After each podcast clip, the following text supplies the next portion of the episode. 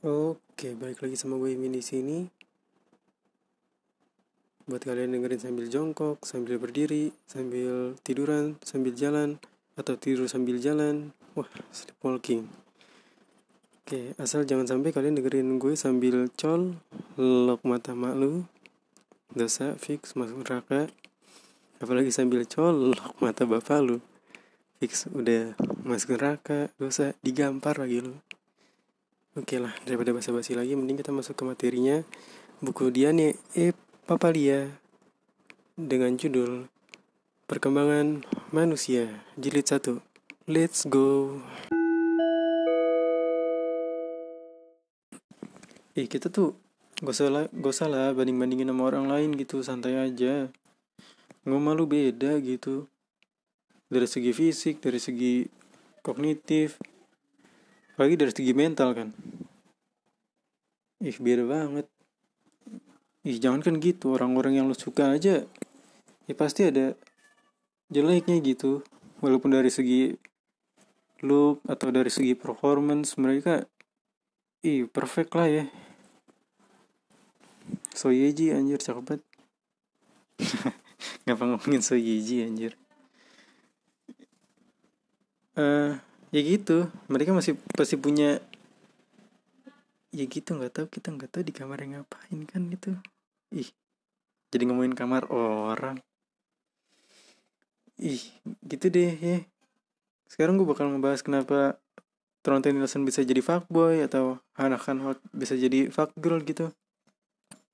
Alias apa aja sih yang mempengaruhi perkembangan gitu? Apa aja sih yang bikin kita jadi begini? Kalau kata One Direction itu that's what make you beautiful gitu apa sih yang bikin lu jadi indah gitu? Iya gila jadi jadi penasaran gue nih. Penasaran nggak? Oke deh gue bakal gue jelasin nih. Ada empat nih yang mempengaruhi kepribadian kita atau perkembangan kita. Yang pertama ada hereditas. Hereditas ini ya seperti yang kita tahu nih sifat bawaan atau baik fisik ataupun ya kebanyakan dari segi fisik ya dari orang tua gitu. Orang tua biologis ya bukan orang tua angkat gitu. Jadi kalau orang tua angkat tuh cakep lu nggak cakep ya kagak usah marah-marah. Ya, emang kagak bukan anaknya. Gitu. Udah dah bercandanya nih. Lanjut ya. Contoh nih. Misalnya orang tua biologis kita pintar insya Allah kita pintar kalau belajar orang tua kita tinggi. Insya Allah kita tinggi ya terus itu kan positifnya ya. Kalau dari segi negatifnya misalnya orang tua lu diabetes nih. Kesempatan lu buat diabetes tinggi lu ih tau sih mesti bangga bangga ya? Kagak sih penyakit itu kebalikannya. Terus misalnya buta warna juga lu bisa turun dari kakek lu atau dari bokap lu gitu ya. Gitu deh.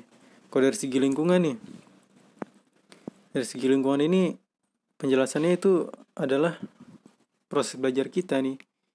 Dari luar individu apa dari segi lingkungan terdekat kita gitu yang bersentuhan langsung sama kita nih. Yang pertama dari segi keluarga gitu. Yang keluarga dibagi dua nih. Ada keluarga besar sama keluarga inti. Keluarga besar itu terdiri dari tiga atau lebih generasi gitu. Bisa dari kakek anak cucu bisa dari buyut kakek anak cucu gitu. Terus yang kedua keluarga inti. Keluarga inti ini terdiri dari dua atau satu generasi gitu. Bisa dari anak sama orang tua gitu. Bisa orang tua doang bisa. Bisa orang tua sama anak angkat bisa. Gitu. Dua generasi sih. Iya dua generasi dong. Gimana bisa kebentuk tuh generasi terakhir kan kalau nggak ada ya ralat ralat. Terdiri, terdiri dari dua generasi ya. Kalau yang keluarga inti. Hmm, terus apa nih yang bikin perbedaan gitu? Ya dari segi pengasuhan gitu. Bisa jadi dua-dua orang tuanya kerja gitu. Kita diasuh sama nenek atau kakek. Ya atau mungkin kalau yang dari keluarga inti kan kalau dua-duanya kerja bisa jadi kita diasuh sama pengasuh gitu. Yang sama sekali ke ada hubungan darah atau apa pun gitu. Dari segi agama juga pengaruh sih. Misalnya kita dari muslim ya. Ya kebiasaan kita ya sholat lima waktu gitu. Kewajiban kita kan jangan lupa sholat ya. Wajib. Terus misalnya dari umat Kristiani misalnya tiap hari minggu ke gereja gitu buat ibadah ya kan? Ya itu udah membentuk pribadi lo gimana? Ya. Atau dari segi pengasuhan gitu bisa jadi nenek lo otoritarian gitu otorit otoritatif atau permisif gitu ya. Kan beda-beda udah, jelas dong ya kan? Akhirnya gimana gitu. Itulah yang membentuk kepribadian kita. Terus dari segi status sosial dan ekonomi itu jelas ya. Misalnya orang kaya orang miskin atau anak pejabat sama anak OB gitu kan jelas ya. Dari segi pergaulannya udah mengerucut gitu. Secara garis besar ya begitu. Walaupun sekarang ya mungkin pergaulannya udah berubah gitu nggak kayak dulu yang melihat dari segi ekonomi gitu.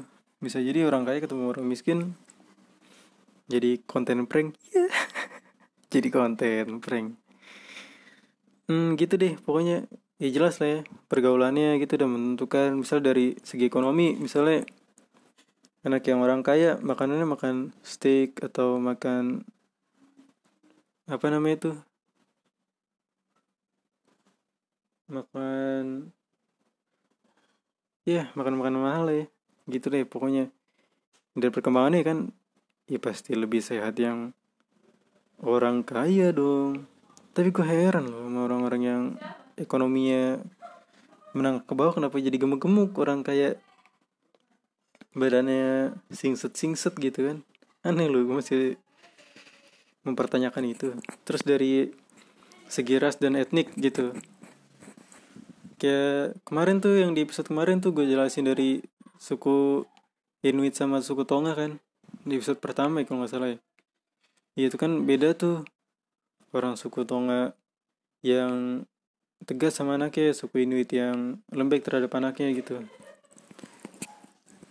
Ya gitulah. Ya kalau dari suku etnik dari etnik ya kurang lebih sama lah ya. punya ada tersendiri gitu yang ngebentuk kepribadian mereka gimana. Selanjutnya dari yang ketiga ada pengaruh normatif dan non normatif normatif ini adalah suatu kejadian yang terjadi dengan cara yang sama bagi hampir sekelompok orang gitu. Misalnya kayak menopause gitu. Nggak mungkin kan di usia 12 tahun. Dan pubertas nggak mungkin di usia 62 tahun kan kubur metong. Ya gitu deh.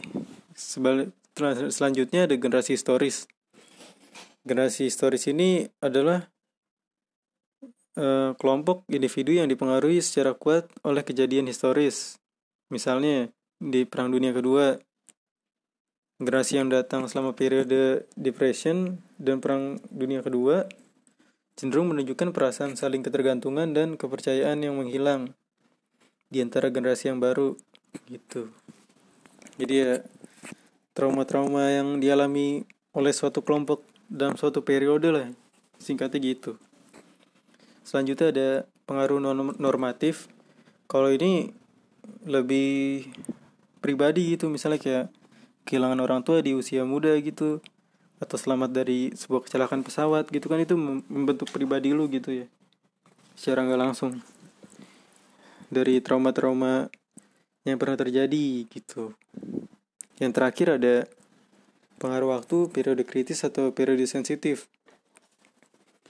Ini walaupun gak kejadian sama orang ya, penelitiannya soalnya sama bebek gitu. Mau gak sih gue jelasin gitu? Gini gue jelasin aja, misalnya kayak bebek nih. Yang pertama ada imprinting atau ikatan. Imprinting itu ya kayak bebek baru lahir melihat gerakan pertama nih di depan matanya itu udah menga- menganggap ada keterkaitan gitu keterikatan gitu meng- menganggap gerakan pertama itu adalah orang tuanya gitu padahal bukan. Gitu itu namanya imprinting atau ikatan. Selanjutnya ada periode kritis waktu spesifik atau peristiwa yang memiliki dampak pada perkembangan. Yang ketiga ada kekenyalan tentang kemampuan untuk memodifa- memodifikasi performa. Yang ke selanjutnya ada periode sensitif nih. Waktu dalam perkembangan ketika seseorang terbuka khususnya pada jenis pengalaman tertentu. Ya gitu. Intinya ya walaupun masih teori ini yang terakhir nih jadi ada mereka menyebutkan bahwa ada yang namanya periode kritis sama sensitif gitu. Kalau kritis ya mesti dijalanin di waktu tertentu gitu. Misalnya waktu remaja tuh kayak kemarin gue jelasin remaja waktunya kita mencari identitas diri. Karena secara realnya nih sampai sekarang pun misalnya di usia ada yang usia 30 masih cari jati diri atau ya setiap orang beda-beda. Itu dia itu dia poinnya. Iya ya unik. Manusia itu unik. Intinya gue rangkum lagi nih ya.